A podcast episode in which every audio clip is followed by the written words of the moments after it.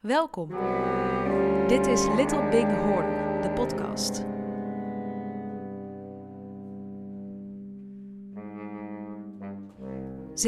...37 jaar geleden, in 1983... ...brengt jazzsaxofonist Gary Mulligan een plaat uit. Little Big Horn. Op de LP-hoes zit hij in kleermakerszit op een Persisch tapijt...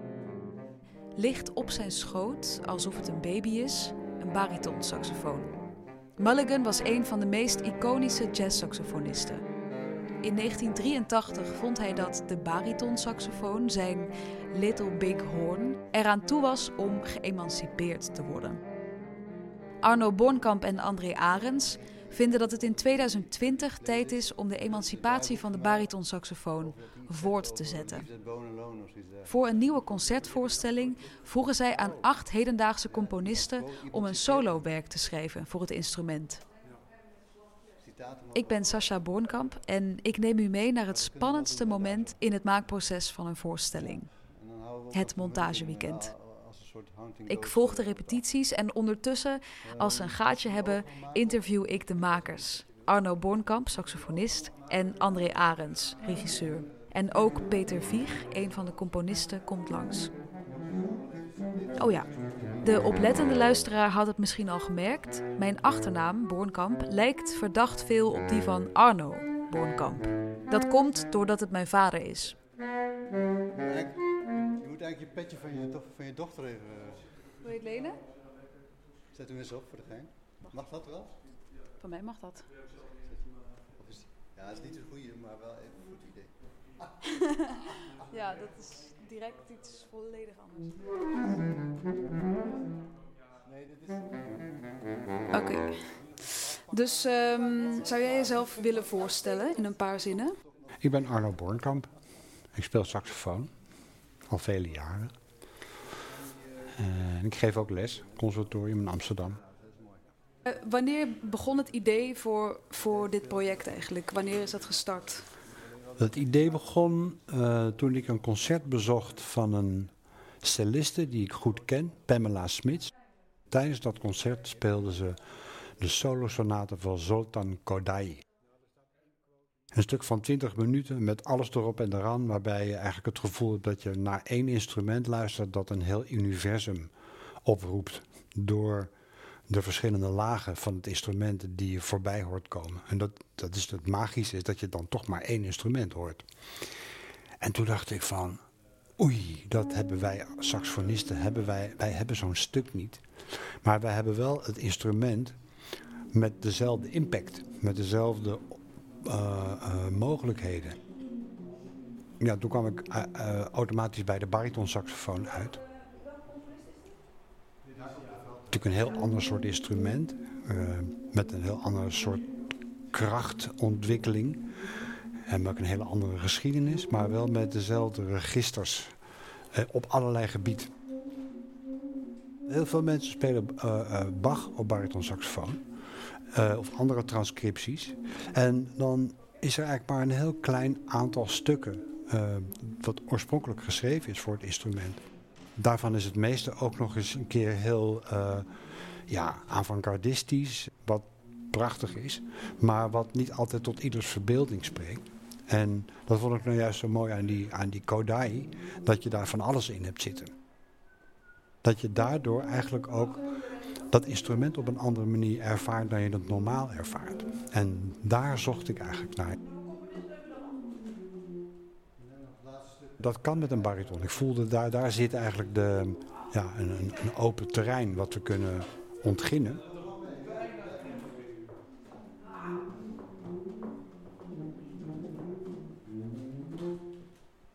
Voor mensen die, die de saxofoon niet zo heel goed kennen, wat is er dan zo anders aan een baritonsaxofoon dan, dan aan een alt bijvoorbeeld? Nou, een bariton heeft ontzettend veel klankmogelijkheden.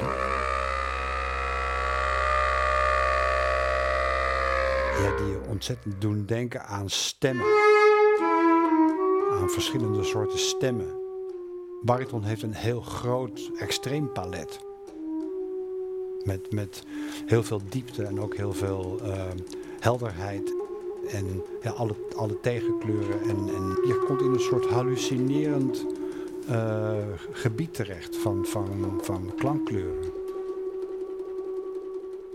Dus toen was eigenlijk het idee geboren om, om nieuw repertoire Ja. te laten schrijven voor jou. Nou ja, toen dacht ik van ja, er, er moeten stukken komen. En ehm, toen heb ik, dat was na de zomer, in 2018, heb ik eh, eh, André Arends benaderd. En eh, omdat ik weet dat hij veel met theater heeft gewerkt en ook heel veel theater en muziek heeft gecombineerd.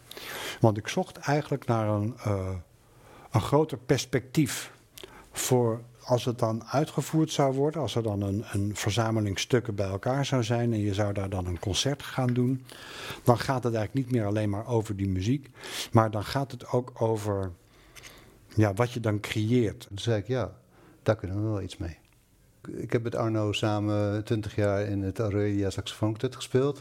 Daarna ben ik Arno eigenlijk uit het oog verloren. En twee jaar geleden belde Arno mij op van, goh, zullen we toch eens wat samen doen? En ik zei, nou ja, eh, ik, ik ga niet zomaar een concert doen, want dat vind ik, ja, dat is voor mij niet interessant meer. Terwijl ik natuurlijk een muziekachtergrond heb en Arno al heel lang ken. En heel veel met hem samengewerkt heb.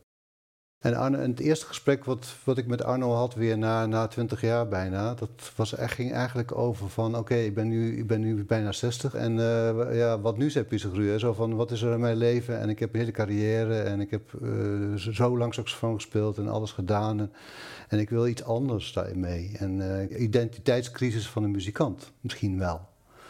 En toen zei ik tegen hem: ik zeg, maar dat vind ik interessant om te onderzoeken. En voor mij gaat het echt over de positie en de identiteit van de muzikant, van de muzikus anno 2020. Die is namelijk veranderd, volgens mij. Dat is niet meer die muzikant die we in 2000 hadden of in eh, de tijd dat ik in het kwartet speelde. Dat was nog een, daar was nog de heiligheid van eh, in een concertzaal, eh, waarbij de componisten heilig waren, de stukken werden gespeeld en er werd zo goed mogelijk gespeeld wat er stond, interpretatie. Volgens mij is dat echt veranderd. Tenminste, ik vind dat dat veranderd is. We, zijn, we leven nu in 2020 waarbij eh, alle digitale informatie op je afkomt. Eh, daardoor is er in één keer een hele andere beeldtaal en, en, en audio- en visuele beeldtaal ontstaan. En, eh, en de muzikant moet daar iets mee. ja. ja, de muzikant die moet daar iets mee. Tenminste, dat vind ik.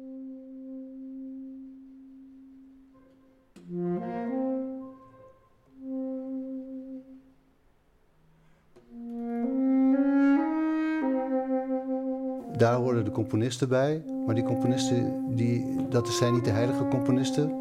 Maar dat zijn, dat zijn componisten die worstelen ook met die mediataal. En de mediawereld en de, de, de orkaanstorm. Media- en informatiestorm die we, waar we middenin zitten.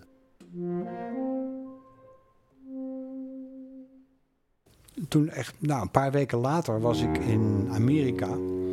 En eh, op een soort congresje, een saxofooncongresje, nieuwe muziek, saxofoon in Florida.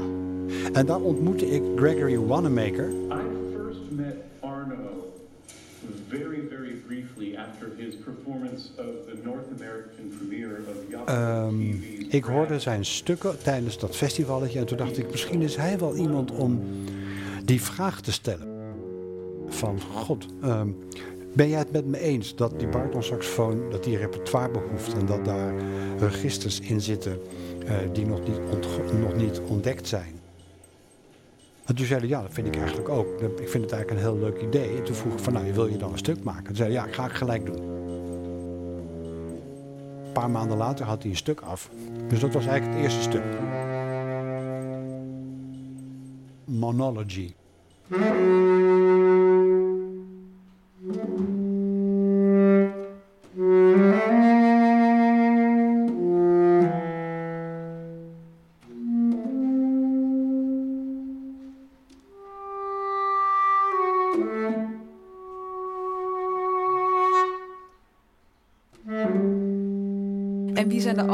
Eh, Jan Menu, Catharina Thompson, Branford Marsalis, André Arends, Rio Noda, Jacob de Veldhuis en Peter Vieg.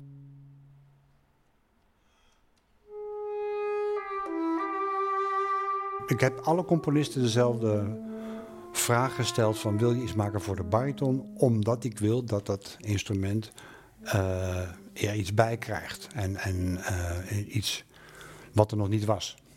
Maar dat hangt dan natuurlijk af van die componist, wat hij dan wil schrijven. En eigenlijk was dan ook belangrijk dat we het proces zouden laten zien. Omdat als een componist wil weten wat er mogelijk wat als hij iets wil maken wat er nog niet is, moet hij wel weten of dat kan. dus dan moet je met zo iemand uh, in conclave, zal ik maar zeggen. En met Peter ben ik dat al heel snel gaan doen. Die was al heel snel van, oké, maar uh, dan heb ik een aantal, dan heb ik een wensenlijstje. En dan wil ik met jou gaan uitzoeken van wat daarvan mogelijk is.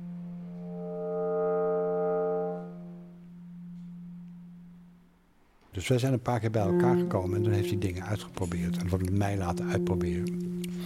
En, en, ja, dat gaat dan ook, dat ging in zijn geval ook echt allemaal over, over dingen die,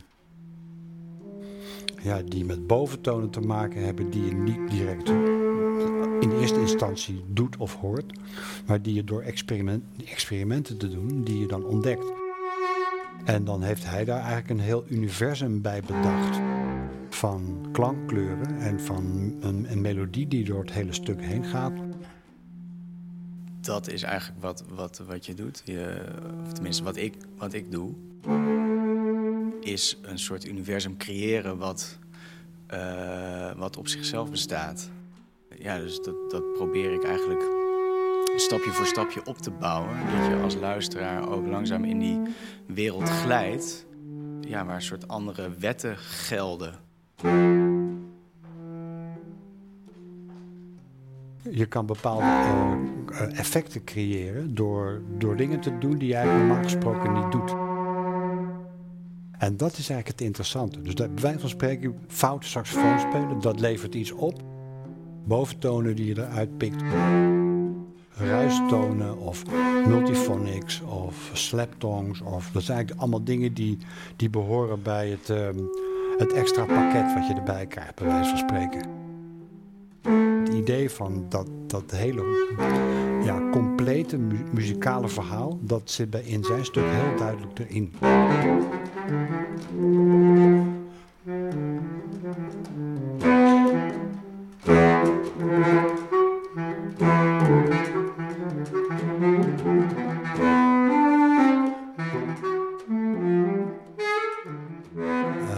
Die heeft op een bepaald moment gewoon gezegd: nu is het stuk af. Dus, dus het is af. Kijk een, uh, een WhatsApp. Het is af! en um, daar waren wel wat momenten van: oei, hoe moet ik nou dit nou doen? Dat zijn we even bij elkaar gekomen. Ja. Het was ineens klaar. Het was ook helemaal klaar. Het was gewoon ja, toen ben ik het gaan studeren. En dat was een enorme klus, want het is ontzettend moeilijk. Als je gaat studeren, begin je natuurlijk met het, het, het kunnen spelen van de noten. Dus dat je, dat je, weet wat er staat en dat je weet oh ja, dat, uh, dat, hoe je dat dan moet doen. Ja, nou ja, maar dat is dus bijvoorbeeld bij een stuk van Brantford, wat een heel traditioneel stuk is. Ja, dat was het eigenlijk heel snel gepiept. Um, en om dat dan heel mooi te kunnen doen, daar gaat dan ook wel weer tijd overheen. Want dat heeft, het heeft te maken met verdieping en dat het gewoon uh, moet inzakken, zal ik maar zeggen, indalen. Ja, want, want uh, ik kan me voorstellen dat je, daar, dat, je, dat je daar misschien in deze voorstelling ook wel een beetje een glimp van krijgt als kijker. Ja. Dat proces dus en welke stadia dat allemaal ja. heeft, dat helemaal ja. niet duidelijk is voor, voor mensen nee. die dat niet doen nee, zelf. Nee, nee precies. Maar ja, je begint met een noten erin te studeren en dan, dan kom je vaak voor... Uh, voor problemen te staan. En dan ga je daarmee aan de slag. En er zijn er allerlei hulpmiddelen. Het, het, uh, het traditionele hulpmiddel is de metronoom. Ja, die gebruik ik best vaak. Om het dan echt mooi te krijgen, gaat dat vooral over techniek? Gaat dat vooral over insleten? Of gaat dat vooral over het zoeken in jezelf, de intentie hoe je het speelt? Nee, dat zijn alle drie die dingen. ja. ja. Vraag me gewoon af, als je in je studeerkamer zit, wanneer jij zelf het gevoel hebt van, ah, nu pak ik, uh, ja. nu pak ik hem hoe de, de, hoe de componist het heeft bedoeld, of ja. hoe ik het zelf ja. daar echt achter kan gaan staan. Ja, nou, maar dat, dat kan heel lang duren. De, de, de, de, de processen zijn ook allemaal verschillend geweest.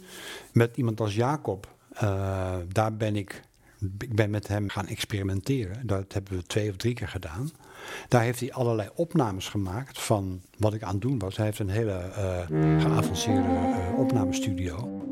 Hij heeft dus eigenlijk uh, gewerkt met het materiaal wat hij had.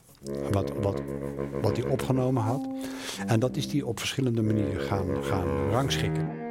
Dus hij bij wijze van spreken een collage gaan maken.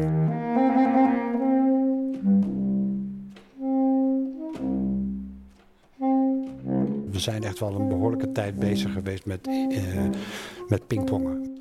En dan had ik weer een aantal uh, adviezen of nou, dit werkt of dit werkt niet.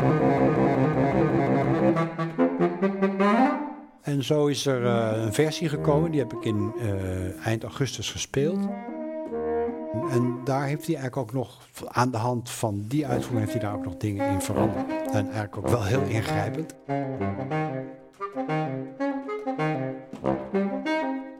Dus dat is een heel lang proces van eigenlijk, uh, ja, het scheppingsproces was heel erg lang. Wat op zich heel erg, uh, heel erg interessant is, want daar leer je elkaar natuurlijk door kennen. Maar ja, we kennen elkaar al 20, meer dan 20 jaar. Dus ja, dat, is, dat heeft zich eigenlijk alleen maar verdiept. Dat is heel erg leuk, vind ik.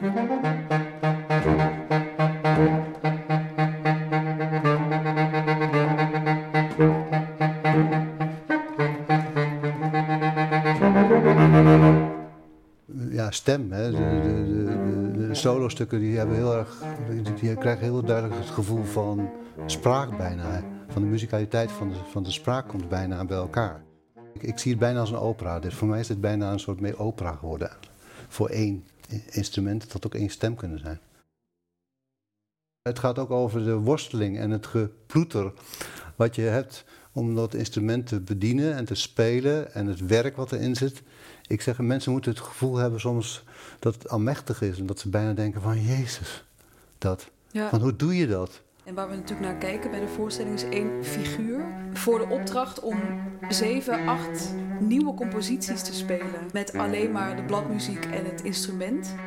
Ik denk ook dat dat voor toeschouwers die vaker naar klassieke concerten gaan, dat het een nieuwe ervaring is om zo bewust te kijken naar, naar, een, naar uh, de wrijving die, die plaatsvindt op het podium.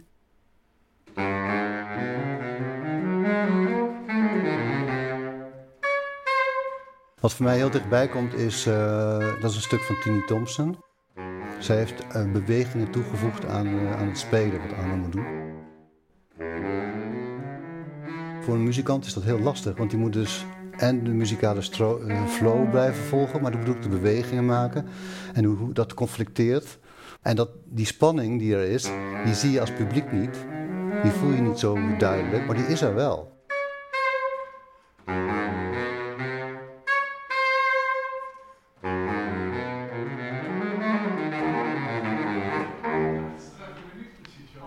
Was dat zo, ja? Kan je nog één keer spelen, geluid? Ik heb hier een Zwitserse klok. Dat hij hem inzet en zo. Hij moet nog even een keer spelen voor jou, de soundcheck. Ja, is goed. Het hoeft niet hetzelfde stuk te zijn. Zoals, kijk, Ja, dat moet, het moet hetzelfde zijn. Een beetje huidige weer zou leuk zijn. Ja, en, ja, alles moet kloppen, hè. Anders ga je niet huilen. Ja, en dan kunnen we ook misschien uh, dat, dat, we even de lamp dimmen, zou ik maar zeggen. En dat dan, dat dan als de scène, op de scène even donker is, dan moet je niet flikkeren met dat ding. Wat? Moet je niet flikkeren met die saxofoon het op de scène Ik donker ben is. een keer gevallen met die barbel. Ah joh. Over, over een monitor. Oh, Ja, ging daar ging dat ik applaus halen. Ja? En ik, uh, ik, ik had de verkeerde bril op, zeg maar zeggen, en ik loop zo naar de... Oh. Op saxofoon naar voren? En? En? Ja, hij leeft nog. Niet verbogen of niks? Ja, er waren een paar dingen, maar het viel nog mee. Maar wat het grappige was, hij was net door Jeffrey Bakker, was die helemaal opnieuw gedaan. En uh, toen kwam ik dus, toen kwam ik na het val. Heb ik dat gedaan? En Jeffrey was leeg. Oh, daar heb ik zo knoerd hard aan gewerkt. En hij was echt, ik zag hem helemaal. En um, met, de, met de voorstelling, de uiteindelijke voorstelling, daar komt dus heel veel muziek in voor. Alle nieuwe stukken komen daarin voor, maar ook beeld. Um, dus je zei daarnet van het heeft allerlei verschillende stadia gehad, maar we vonden het in ieder geval belangrijk dat er, dat er een soort geheel wordt uh, aangeboden. Of dat Ja. er een soort kader is, een theatraal kader. Ja, nou dat kader, dat, ehm, wat daar, daar, zitten, daar, daar zitten verschillende ingrediënten in. En een heel belangrijk ingrediënt is dat de componist aan het woord komt. En niet alleen maar door zijn muziek, maar ook in, in, in gesproken woord.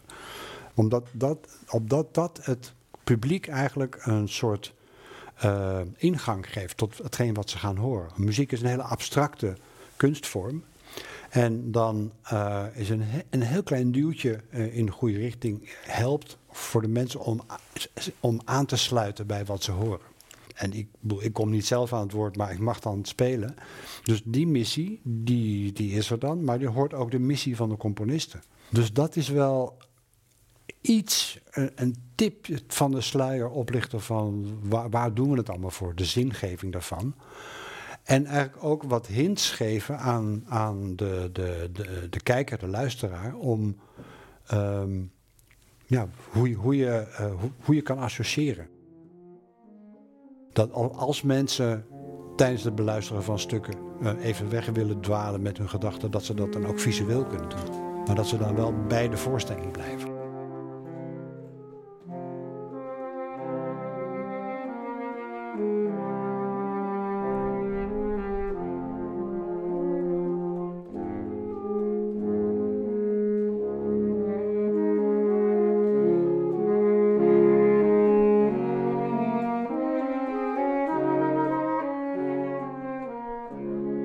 En er is nog één aspect waar we het nog niet over hebben gehad. Op het moment dat de avond zelf klaar is, dat de voorstelling zelf klaar is, hebben jullie nog een soort extraatje of een soort Ja. van Ja. snoepje? Ik vind het heel fijn om de dingen die ik doe, om die ook te laten raken aan, eh, aan wat ik in mijn onderwijs doe. De, de, de nieuwe generatie iets eh, te laten zien. En daar ook bij te betrekken. Dus de- toen heb ik, eh, kreeg ik de, de, de, het idee om een, soort van eh, afterconcert te bedenken. Dat mensen dan met een pilsje en een zoutje en weet ik veel wat nog even staan na te praten. Nou ja, wat, wat is er mooier dan één bariton? Vier baritons.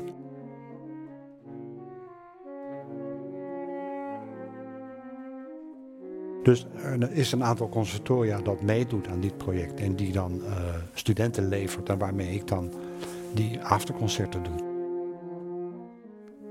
Weet dat het heel lastig is, want Arno lukte het gisteren niet. Zou je Oh, in één zin kunnen omschrijven waar, waar dit project voor jou over gaat? Wat is Little Big Horn? Het is- Het is een onderzoek naar de identiteit van een muzikant. Je zou het als een identiteitscrisis kunnen omvatten. En ik hoop dat het, een, dat het gevoel krijgt van identiteitscrisis, wat we allemaal meemaken in het leven en meerdere malen, eh, op ergens. Dat, eh, dat hoop ik dat mensen dat, dat gaan voelen. Ja. Maar geloof in de muziek. Er zit echt een soort eh, er zit een optimisme in, in de zin van muziek zal nooit verdwijnen, dat geloof ik ook.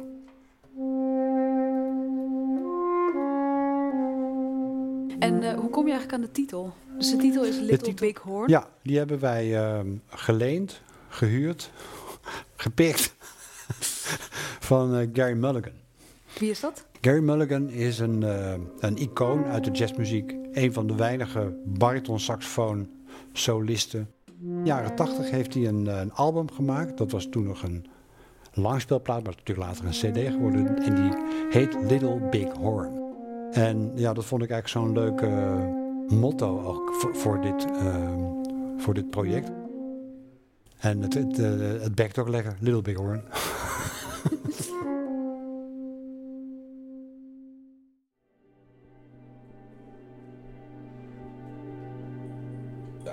playing music. Uh, I love being around and listening to great players. And uh, I love experiencing music, whether it's listening to it live or listening to it on recording. Uh, everything else I do is an extension of, of that ideal, the ideal of being a player and constantly listening to music that is emotionally inspirational and technically challenging. I feel I'm lucky to do any of this at all, really. I think it's a, a, privilege and a blessing.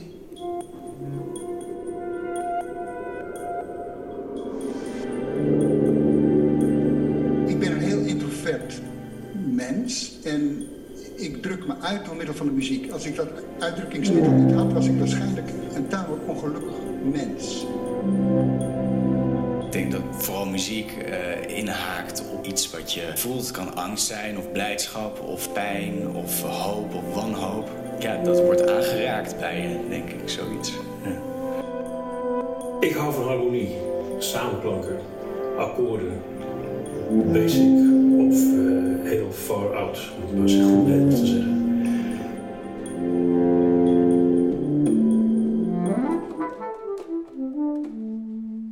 Little Big Horn gaat in première op 13 december 2020 in het Pleintheater in Amsterdam en speelt daarna nog in Eindhoven, Eelde, Kampen, Laren, Wittem, Landert, Breda, Assen, Schiedam en Alkmaar. Voor meer informatie en tickets zie www.saxfestival.nl.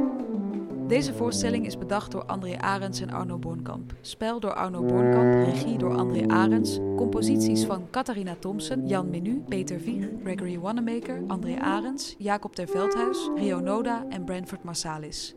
De interviewfragmenten in de voorstelling zijn van Lex Bolmeijer, videomontages door Annemarie Verlooy, visuals van James Murray, productie door Sanne Bouwman, techniek door Thijs Visser, Paul Vestiens en Harmen van het Looy. Zakelijke leiding door Harm Witteveen, verkoop door HB Artists, PR door Christa Peters Design, met steun van Fonds Podiumkunsten, Prins Bernhard Cultuurfonds, Norma Fonds, Harry Bakker, Legere en Selmer.